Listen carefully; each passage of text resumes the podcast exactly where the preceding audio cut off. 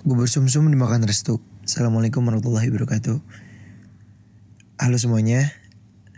Dan episode kali ini tuh sangat berbeda dengan episode-episode sebelumnya maupun season 1 maupun season 2. Karena yang biasanya gue mengundang teman-teman gue untuk berbagi pengalamannya atau berbagi pemikirannya seperti apa. Dan sekarang ini gue pengen berbagi pikiran gue serta apa apa yang apa aja yang udah gue rasain selama ini gitu loh. Terus yang pertama tuh gue kenapa pengen bah uh, ngebuat podcast ini ngebuat di episode ini karena satu ya gue gue minta juga ke, ke kalian atau pendengar pendengar gue jangan pernah ngasihanin gue dan ya gue ngejalanin hidup ini juga fun kok gue nggak tanpa beban dan gue nggak mau banyak pikiran gitu loh. Jadi Kenalin nama gue Edemulan Effendi.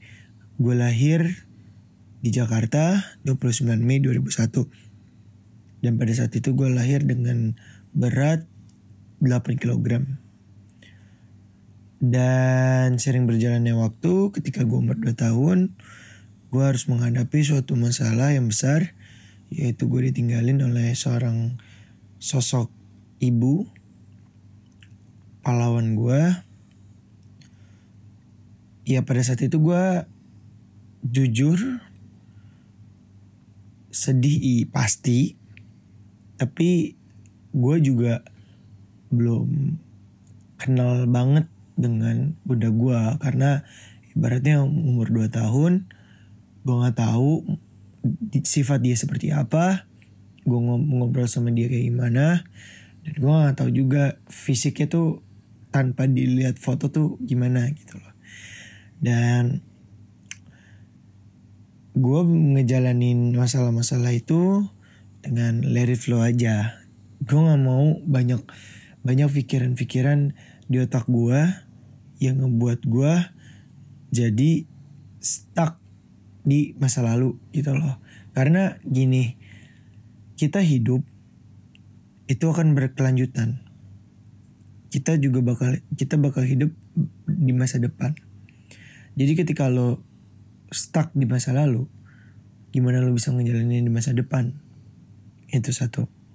Terus yang kedua, jujur, ketika gue sedih, gue uh, gue pribadi suka yang namanya menghibur orang ataupun gue menghibur diri gue sendiri. Kenapa? Karena menurut gue dengan gue tertawa, dengan gue senyum, hati gue menjadi tenang. Apalagi dalam agama, senyum itu sebagian dari iman. Atau juga bisa dibilang senyum itu merupakan ibadah atau pahala. Ya dengan begitu gue bisa aja memberikan pahala terhadap orang lain. Dan juga gue bisa membuat orang lain menjadi lupa dengan masalah yang membuat dia stuck di masa lalu gitu. Lalu gue gue tinggal berpindah-pindah jadi gue nggak nomaden gue nggak sama orang tua asli gue tapi gue di sini nggak pernah olok-olok aku mau ini aku mau itu tapi ya gue di sini gue harus beradaptasi dengan lingkungan yang baru.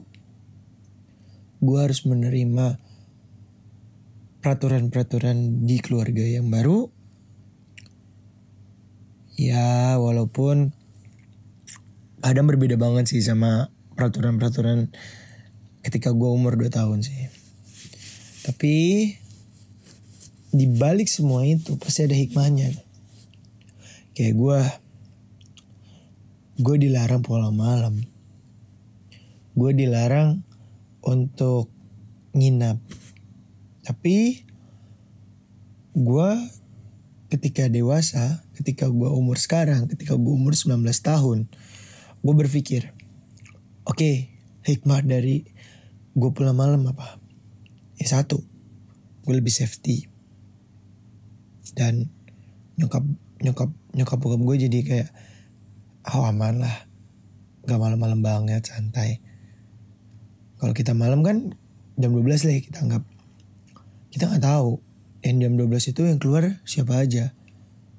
Mungkin orang orang yang baik juga ada orang yang jahat juga ada.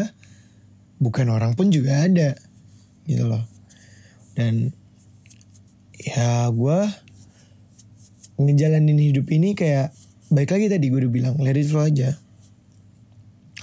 Kadang tuh kalau lo punya topeng jujur gue orangnya punya topeng. Banyak banget topeng gue ya bukan topeng yang baik di depan jahat di belakang tapi lebih banyak kayak ya gue memakai topeng gue untuk menutupi kesedihan gue biar orang-orang gak mau ikut sedih. Dan gue sama sekali bukan orang yang mau banget dikasihanin.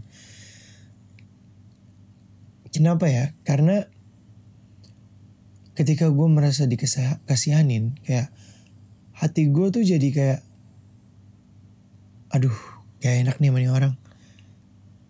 Gue merasa kayak gitu. Dan gue gak mau tipe ke orang kayak gitu. Dan ketika gue besar nanti, ketika gue udah sukses, amin, amin ya rabbal alamin. Satu yang akan gue tuju atau satu yang akan akan gue uh, ibaratnya menjadi uh, mengabulkan mimpi gue ialah mengumpulkan keluarga gue asli. Dan menurut gue keluarga itu ya bener sih kata orang-orang ya. Harta yang paling berharga adalah keluarga. Itu bener banget. Dan dari keluarga itu juga kita dapat bercerita. Kadang kalau lu cerita ke teman kita nggak pernah tahu temannya itu benar-benar teman atau enggak.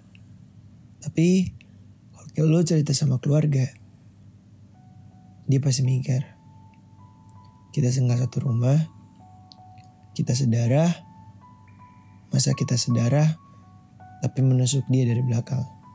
Gak mungkin. Mungkin podcast gue singkat banget sih. Karena yang gue bahas itu bukan hal-hal yang berat, tapi gue lebih kayak pengen berbagi pengalaman aja. Mungkin dari gue itu aja. Makan ikan sama nasi, sekian dan terima kasih.